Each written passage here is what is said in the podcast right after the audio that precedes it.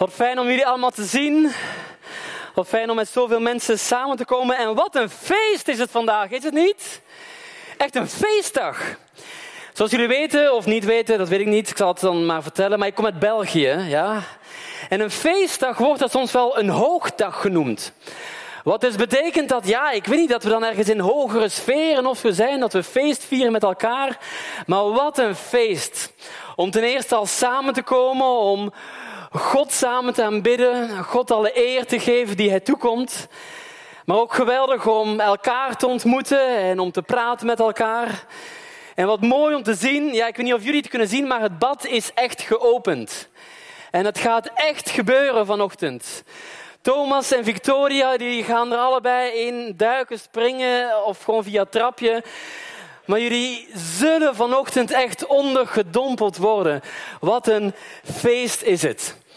En als jullie straks het water ingaan, daarmee zeggen jullie helemaal ja tegen een leven met God. En wat mooi ook, om die tieners te horen, is het niet? Als, als zendeling uitgezonden door deze gemeente worden Ingeborg en ik natuurlijk ontzettend enthousiast als we horen over een reis, een zendingsreis, een outreach. En wat een prachtig land is Roemenië. Wat is daar inderdaad zoveel nodig. En wat is heel mooi, hoe dat ook zegt Marieke, dat er heel veel gegeven is, maar ook heel veel ontvangen is. Want dat gaat inderdaad altijd hand in hand. Hoop brengen in een wereld waar zoveel hopeloosheid is. Liefde brengen in een wereld die snakt en hunkert naar liefde. Genezing brengen in een wereld waar zoveel pijn is. Troost brengen in een wereld die verdriet heeft. Leven brengen aan een wereld die stervende is. Licht brengen in een wereld die gehuld is in duisternis. En bovenal Jezus brengen. Jezus, die levende God. En dat hebben jullie gedaan afgelopen week in Roemenië. Want er zijn nog zoveel mensen die die naam van Jezus nog nooit gehoord hebben. Nog zoveel mensen die nog nooit toegang hebben gehad tot het evangelie, het goede nieuws van Jezus Christus. Twee weken geleden was ik in Albanië en ik was er samen met een zeventigtal leiders van onze organisatie uit heel Europa, Jeugd met een Opdracht. En in Albanië horen we verhalen. Albanië is het land wat uh, het langst gesloten is voor het Westen en daarmee ook voor het evangelie. Nog maar dertig jaar geleden opende Albanië zijn grenzen. En ik hoorde een verhaal van een van de leiders daar. Die zei dat toen hij dertig jaar geleden hoorde dat Albanië zijn grenzen open zou stellen, dat hij de eerst mogelijke vlucht boekte en met een heel gammel vliegtuig de reis maakte naar Albanië om te landen op een nog meer gammele landingsstrook op de luchthaven in Tirana. Om van zodra die grens open was, de mensen te vertellen over het goede nieuws van Jezus. En vorige week of twee weken geleden, toen ik daar was, heb ik heel wat gelovigen mogen ontmoeten. En gezien dat God ontzettend bezig is. Er is nog zoveel wat we mogen beleven met Hem. En nogmaals, het is een geweldig feest dat er vanochtend een aantal mensen ja zullen zeggen tegen Hem. Een aantal mensen die die levensveranderende kracht van Jezus gemerkt hebben in hun eigen leven. Is het niet? No turning back. Daar is een liedje van. Kennen we dat liedje? I have decided to follow. Zullen we het samen zingen? I have decided to follow Jesus. I have decided to follow Jesus. No turning back. No turning back. The cross, the cross before me, the world behind me. The cross before me, the world behind me. The cross before me, the world behind me. No turning back. No turning back. Dit heb ik echt nog nooit gedaan op een uh, podium als dit. Wauw. Maar ik geloof echt dat ze daarvoor straks het water ingaan. No turning back. Die levensveranderende kracht van Jezus. Al een hele tijd ben ik aan het bidden voor deze dienst en voor wat ik vanochtend mag gaan vertellen. En al een aantal weken geleden was ik in mijn gedachten hiermee bezig. En toen wist ik eigenlijk nog niet dat het een doopdienst zou zijn vandaag. En toen was ik aan het nadenken en aan het bidden. En toen kwam het verhaal van Naaman in mijn gedachten. En het verhaal van Naaman, daar komt toevallig misschien ook water bij kijken. Maar het verhaal van Naaman is vooral het verhaal van iemand die hele bewuste keuzes maakt. Keuzes die helemaal ingaan tegen zijn gevoel en tegen zijn verstand in. Zullen we even gaan kijken naar dat verhaal van Naaman? Ik ga het met jullie delen. Het verhaal van Naaman kunnen we vinden in 2 Koningen 5. In 2 Koningen 5 wordt de legeroverste van het Aramese leger geïntroduceerd. En zijn naam is inderdaad Naaman. En dit was een hele belangrijke man. Deze man, Naaman, had waarschijnlijk al heel wat oorlogen gevoerd, had al heel wat veldslagen gewonnen, hij had al heel wat belangrijke dingen gedaan voor zijn land. De Bijbel zegt namelijk dat deze, deze, deze uh, legeroverste in heel hoog aanzien stond bij zijn koning en dat hij zeer gewaardeerd werd. Maar er is iets aan de hand met deze man. Deze legeroverste Naaman, die leidt namelijk aan een vreselijke huidziekte. Namelijk melaatsheid of huidvraat. En dat was een probleem. Dat was een heel groot probleem. Niet alleen was hij dus zelf ziek, maar dit was ook een heel groot probleem voor zijn hele omgeving. Deze ziekte was, en als iemand dat vandaag zou krijgen, nog steeds enorm besmettelijk. Daarom werden van deze mensen heel wat rechten afgenomen. Zij mochten niet meer bij anderen in de buurt komen. Zij moesten afstand houden. Oh, dat kennen we, is het niet? We zitten tegen het einde, hopen we, van die coronaperiode. Maar als we even teruggaan naar die tijd in het begin, vorig jaar. Dat is iets wat we allemaal hebben moeten doen. Afstand houden. Niet meer welkom zijn op plekken. In de coronaperiode ben ik voor mijn werk, voor mijn bediening blijven reizen. Niet zo ver weg, maar gewoon in Europa. Nog een aantal reizen gemaakt. En als ik dan terugkwam, dan merkte ik dat mijn omgeving afstand hield.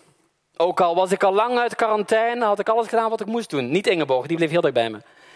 Maar ik merkte dat anderen afstand hielden en dat voelde naar. Dat voelde heel gek. Dat gaf inderdaad een gevoel van niet welkom zijn als mensen met een grote boog om je heen lopen. Of we weten allemaal wat er gebeurde als we in de supermarkt liepen en iemand twintig meter verderop ging hoezen of niezen. Toch?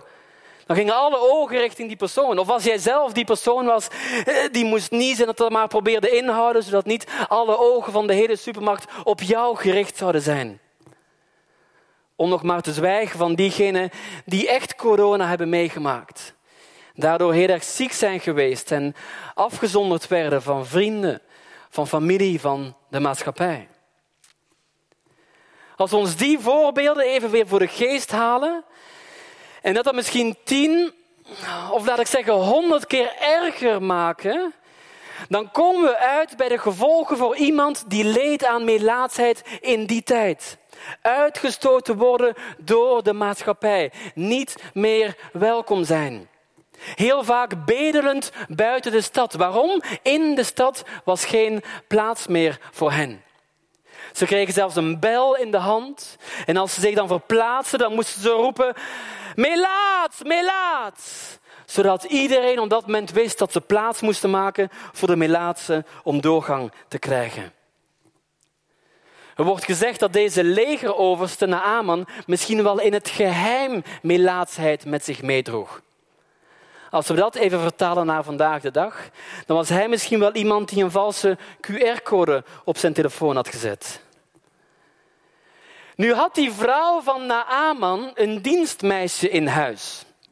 En dit dienstmeisje wist natuurlijk wel wat er gebeurde. Dit dienstmeisje wist dat haar meester ziek was. En dienstmeisje, dat klinkt misschien heel mooi. Hè? Dat klinkt als iemand die je helpt bij de was en de strijk en het huishouden, die je daarvoor goed betaalt. Niets is natuurlijk minder waar. Dit dienstmeisje was meegenomen door de Arameërs op een, op een van hun strooptochten in Israël. We kunnen dus zeggen dat dit dienstmeisje gewoon een slaaf was. En het dienstmeisje wist dat Naaman deze besmettelijke ziekte met zich meedroeg. En daarom zegt ze tegen de vrouw van Naaman, Och kon mijn meester maar de profeet in Samaria bezoeken. Hij zou hem wel genezen. En deze woorden zijn eigenlijk heel bijzonder. Dit bewijst namelijk dat dit meisje, dit dienstmeisje, haar geloof in de God van Israël niet verloren heeft. Ook al is ze op dit moment in een hele andere heidense plek. Naaman hoort deze woorden en Naaman denkt na. Deze woorden laten hem niet los. Hij staat ermee op en hij gaat ermee slapen. Hij is wanhopig. Hij weet niet wat hij moet doen. Als legeroverste van een ander land kan hij namelijk niet zomaar naar Israël gaan om die profeet te bezoeken. Want tussen Aram en Israël is er al jarenlang een heel gespannen verhouding. Dus hij gaat naar zijn koning. Hij stond in hoog aanzien bij zijn koning, dus hij gaat naar zijn koning en hij zegt wat dit meisje hem vertelde. En hoe de koning denkt na, de koning van Aram. De koning denkt na, praat waarschijnlijk met zijn adviseurs en ze komen samen met een plan. En de koning zegt, ga erheen. Ik zal zorgen voor de nodige geschenken en voor de nodige brieven. En zo gaat Naaman op reis. En hij gaat naar de koning van Israël en hij brengt inderdaad heel wat geschenken met zich mee en ook een brief. En in die brief staat het volgende te lezen. Daar staat, met deze brief stuur ik u mijn dienaar Naaman, zodat hij door u genezen zou kunnen worden van zijn huidverraad. Maar als de koning van Israël deze brief leest, scheurt hij zijn kleren. En dat moet ik even uitleggen. Het scheuren van kleren in die tijd was meestal een teken van rouw. Maar in deze context, in dit verhaal, is het een teken van wanhoop. Hij zegt namelijk, ben ik soms God dat ik kan beschikken over leven en over dood? En hij zegt, de koning van Aram stuurt deze man naar mij, omdat hij uit is op een conflict met mij. Let op mijn woorden. Dus de koning van Israël is er rotsvast van overtuigd dat dit een valstrik is. En dat de koning van Aram een aanleiding zoekt om de oorlog aan Israël te verklaren. En daar stopt het gesprek tussen deze legeroverste Naaman en de koning van Israël. Maar dat nieuws over het scheuren van die kleren gaat blijkbaar rond als een lopend vuurtje. Want al heel snel hoort de profeet Elisa dat de koning zijn kleren heeft gescheurd. Elisa was een hele grote profeet in die tijd. Hij is uiteindelijk de opvolger van die andere profeet, namelijk Elia. En hij laat een boodschapper naar de koning van Israël gaan en hij geeft de boodschap mee. Hij zegt, waarom heeft u toch uw klederen gescheurd? Laat deze man naar mij toe komen en dan zal hij zien dat er geen andere God is behalve de God van Israël. En blijkbaar was Naaman nog in de buurt en hij ontvangt deze boodschap die door de profeet Elisa naar de koning is gekomen. Uiteindelijk lezen we dat Naaman een hele reis maakt. Waarschijnlijk van het huis van de koning, het paleis, naar het huis van Elisa. En al zijn strijdwagens en zijn hele gevolg gaan met hem mee. Maar Elisa, die laat zich niet zien. Die blijft binnen. Ik denk dat de hele straat gevuld was met iedereen die mee was gekomen met Naaman. Maar Elisa zelf laat zich niet zien. Maar wel stuurt hij een boodschapper naar buiten. En hij stuurt iemand naar buiten met de volgende boodschap. De boodschap luidt, baat u zevenmaal in de rivier de Jordaan, dan zal uw huis weer gezond zijn en zult u weer rein worden. Maar dit is natuurlijk niet wat Naaman had verwacht. Deze legeroverste, deze man met enorm veel aanzien, deze man die goed contact had met koningen en met vorsten, krijgt nu gewoon een boodschap van een profeet hij had erop gerekend dat de profeet zelf Elisa naar buiten zou komen, dat hij de naam van de Heere God zou aanroepen, dat hij met zijn hand over de ziekte zou gaan en dat hij daarmee genezen zou kunnen worden, dat zijn huidziekte zou verdwijnen. Dat was namelijk de wijze waarop bezweerders in die tijd, in het oude nabije Oosten, te werk gingen. En hier komen we bij de kern van het verhaal en misschien wel de kern van mijn boodschap vanochtend. Het gaat hier om het verschil tussen actief handelen en passief ontvangen. Doordat Elisa nu slechts een boodschap stuurt, wordt het heel duidelijk dat Naaman zijn genezing niet kan ontvangen door heel passief zomaar een ritueel te laten ondergaan maar alleen maar door zijn vertrouwen te stellen in het profetische woord dat is gesproken. En dat profetisch woord is gesproken door God naar de profeet Elisa en is uiteindelijk bij Naaman gebracht. En bijna stopt hier het verhaal. Wow, dat zou heftig zijn. Bijna stopt het hier voor Naaman. Waarom? Hij is namelijk boos. Hij is verontwaardigd. Hij snapt er helemaal niets van. Wat is dit nu voor opdracht? Heb ik daarom die hele lange reis gemaakt? Heb ik daarom al die geschenken, goud, zilver, kleding van de koning meegekregen? Heb ik daarom die brief laten opstellen door mijn koning en voorgelezen aan die andere koning? Heb ik daarom een hele gevolg en alle strijdwagens meegenomen? Hij zegt zelfs letterlijk, zijn de wateren, de rivieren in Damascus niet veel beter en schoner dan alle wateren in heel Israël samen? Had ik me daarin niet kunnen laten onderdompelen, zou ik dan niet rein geworden zijn? Hij draait zich om en verontwaardigd wil hij vertrekken. Het verhaal had hier voor Naaman kunnen eindigen.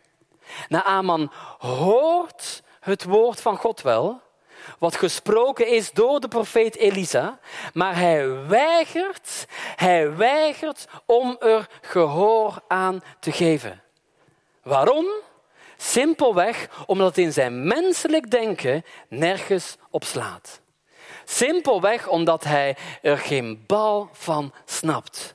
Zijn leven had onmiddellijk een andere wending kunnen krijgen. Maar het tegendeel gebeurt. Hij loopt weg en gaat weg, boos en verontwaardigd. En oh, wat is dit herkenbaar. Hoe vaak gebeurt het niet dat we de stem van God horen? En dat we ons omdraaien en lekker onze eigen gang gaan. In het verhaal van Naaman precies zo. Want door zijn boosheid en door zijn verontwaardiging is hij ongehoorzaam aan het woord van God. In het woord gehoorzaamheid zit het woord hoor. Horen is altijd de eerste stap in het proces. En alhoewel mensen vaak zeggen dat het horen van de stem van God moeilijk is, is het toch de meest gemakkelijke stap. Want na het horen van de stem van God komt gehoorzaamheid. Wat is het nut van het horen van de stem van God als we niets doen met die uitkomst? Als we niets doen met datgene wat Hij tegen ons zegt? Het horen van de stem van God en het gehoorzaam zijn aan die stem heeft in de kern alles te maken met geloof. En Naaman had hier geen geloof. Maar gelukkig Gelukkig zijn er vaak mensen om ons heen die ons helpen om de stem van God te horen. En die ons helpen om gehoorzaam te zijn aan die stem van God. Zo ook in het verhaal van Naaman. Zijn bedienden renden hem achterna, gingen naar hem toe en ze zeiden dit. Ze zeiden, overste, als de profeet, als de godsman u een hele moeilijke opdracht had gegeven, dan zou u het wel gedaan hebben. Maar nu hij tegen u zegt, baat u in de rivier en u zult rein worden, dan moet u dat zeker doen. Dus de bedienden hielpen hun meester om gehoorzaam te zijn aan de stem van God. En vervolgens daalde Naaman af naar de rivier. Hij liet zich zakken en hij baadde zich zevenmaal onder. Net zoals de profeet die Godsman gezegd heeft. En onmiddellijk, zegt de Bijbel, werd zijn huid weer gezond. Onmiddellijk, zegt het, werd zijn huid zo gaaf als dat van een kind. En hij was weer rein. Naaman deed hier iets heel gemakkelijks. Hij daalde af naar de rivier en hij dompelde zich zevenmaal onder. Heel gemakkelijk. Maar voor Naaman waarschijnlijk het moeilijkste dat hij ooit in zijn leven had gedaan. Naaman had oorlogen gevoerd. Hij had veldslagen gewonnen. Hij had gestreden. Hij had contact met vorsten en met koningen. En nu nu heeft deze man deze huidziekte die besmettelijk is en die niet te genezen is. Een, een huidziekte die hem het leven zo moeilijk maakt. Een huidziekte waardoor de mensen zo ver bij hem op afstand blijven. En dan geeft God deze simpele opdracht: daal af naar de rivier en baat je daar. En uiteindelijk deed Naaman dat. Hij daalde af naar de rivier. Waarschijnlijk lag die rivier inderdaad letterlijk dieper dan het omliggende land. Maar hiermee wordt ook gezegd dat hij zijn trots moest laten varen. Zijn hele gevolg, al die andere mensen die met hem mee waren, die zagen wat er gebeurde. En die zagen dat hij gehoorzaam werd. Het gevolg van de gehoorzaamheid van Naaman was onmiddellijk zichtbaar en merkbaar in zijn leven. Zijn huid werd, zo staat er weer, onmiddellijk gezond en rein. En dat betekende voor Naaman een wereld van verschil. Niet alleen had hij geen, geen, last meer van die jeukende en vervelende en etterende wondjes op zijn huid. Niet alleen moesten er verbanden en pleisters en allerlei andere dingen op die vreselijke wonden liggen. Er was meer. Hij kreeg zijn leven onmiddellijk terug. Hij kreeg zijn aanzien terug. En dat betekende voor hem een wereld van verschil. Oh, en wat moet Naaman dankbaar geweest zijn. En dat was hij ook. Er staat geschreven dat hij onmiddellijk teruggaat naar het huis van Elisa. En dat hij tegen Elisa, blijkbaar komt hij deze keer wel naar buiten, dat hij tegen Elisa zegt, ik wist wel dat er behalve in Israël geen andere God is. En hiermee laat Elisa, laat, nee, laat Naaman, sorry, onmiddellijk zijn geloof zien in de God die wij aanbidden. Het verhaal gaat nog veel verder, krijgt nog wat andere wendingen. Maar ik wil het hierbij laten. Want we gaan feest vieren zo meteen als we het bad ingaan, is het niet? Ik wil vragen of de muziek naar voren komt. Want lieve mensen, na